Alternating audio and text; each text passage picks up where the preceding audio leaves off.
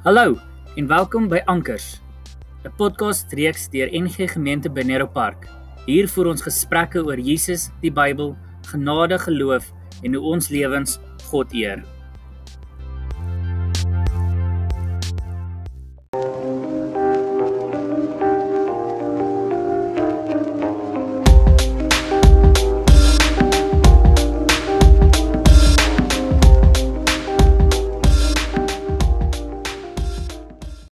Goeiemôre.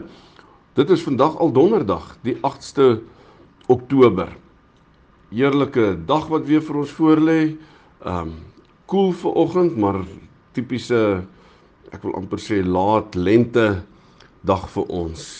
Ek wil vir oggend sommer net weer 'n bekende gedeelte saam met u lees en net so een of twee goed daaroor sê. En dit kom uit een van Paulus se briewe uit die brief aan die Romeine wat hy geskryf het.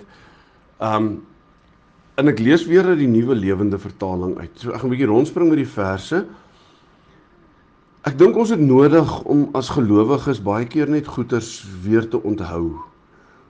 En so is Romeine 8 vers 1 weer net 'n vers wat ons moet onthou. Die nuwe lewende vertaling vertaal dit so vir hulle wat aan Christus Jesus verbind is en ons is verbind deur geloof, nê, nee, dit weet ons, is die oordeel nou heeltemal weggeneem. Ek wil dit weer lees. Vir hulle wat aan Christus Jesus verbind is, is die oordeel nou heeltemal weggeneem. Die nuwe vertaling, die 83 vertaling sê daar is nou geen veroordeling meer vir die wat in Christus Jesus is nie. Een van die Engelse vertalings vertaal dit om te sê there is no condemnation for those who are in Christ Jesus. En dit sê presies wat daar staan, wat die bedoeling is. Vir die wat in Christus Jesus is, is daar geen um veroordeling, daar's nie judgment nie, daar's nie condemnation nie, daar's niemand wat ons kan condemn nie. Onthou jy ek het so ruk terug gesê ons word deur geloof en hierdie feit dat ons in Christus is, is dit amper asof Jesus ons wegsteek binne in hom. Dat as God die Vader na ons wil kyk, dan sien hy Jesus raak. En dit is wat hierdie vers die effek daarvan, dit is wat hierdie vers uiteindelik dan beteken.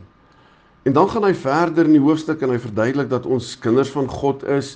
Um uh, dat dat ja, dat ons kinders van God is en dat ons mede-erfgename saam met Christus is. Met ander woorde, ons is deur geloof is ons het God ons aangeneem as sy kind, net soos wat Jesus se eie kind is, net soos elkeen van ons dit. En dan as ons later gaan na die baie bekende vers 31 en 32 en dit wat daarop volg, dan sê vers 31, wat sal ons dan van al hierdie wonderlike dinge sê? As God aan ons kant is, wie kan ooit teen ons wees?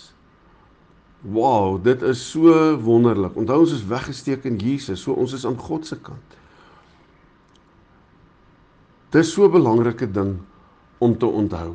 En dan vers 33 wat sê, wie sal dit waag om ons aan te kla as God ons spesiaal uitgekies het? God is immers die een wat ons vryspreek. Ons is klaar vrygespreek. Daar's nie 'n klad op ons naam nie.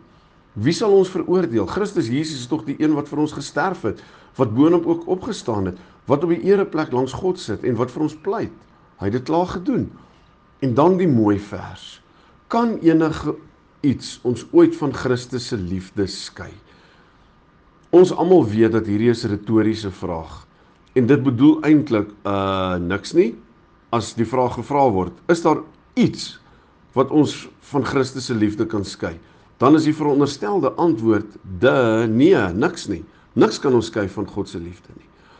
Sal dinge soos lyding of benoudheid of vervolging, honger of koue of gevaar of doodsdreiging dit regkry? Uh nee, niks kan ons skei van God se liefde nie. So, dit is so 'n belangrike ding wat ons moet onthou. En dan herhaal Paulus dit 2, 3 verse later in vers 38. Dan sê een ding weet ek vas en seker. So hy sê daar's by my geen twyfel daaroor nie. Niks kan ons ooit van Christus se liefde skei nie. Nie dood of lewe of engele of duiwelse magte nie, nie ons vrees vir vandag of ons kommer oor môre nie, ook nie boaardse magte nie. Ja, hoegenaamd niks daarbo of onder in die dieptes of elders in die skepping sal ons ooit kan skei van die liefde wat God in Christus Jesus ons Here vir ons het nie. Dit is so mooi. En Paulus voel verskriklik sterk daaroor dat niks ons hoegenaamd kan skei van sy liefde nie. Ek wil so ver gaan deur te sê, onthou hy sê niks kan ons skei nie. So ek wil so ver gaan deur te sê, nie eers sonde wat ek dalk per ongeluk nou en dan doen, kan my skei van God se liefde nie. Ek wil dit so stel. Ek het gister lank met iemand gepraat oor ons verhouding met as ouers teenoor ons kinders. Ons as ouers, sê nou maar iemand vra vir jou, is daar iets wat jou kind kan doen wat um jy gaan sê ek het nie meer my kind lief nie. Ek weet mense vererg hulle verskriklik en dat dit soms gebeur, maar dis die uitsondering. Is daar iets wat jou kind kan doen wat jy sê ek het jou nie meer lief nie?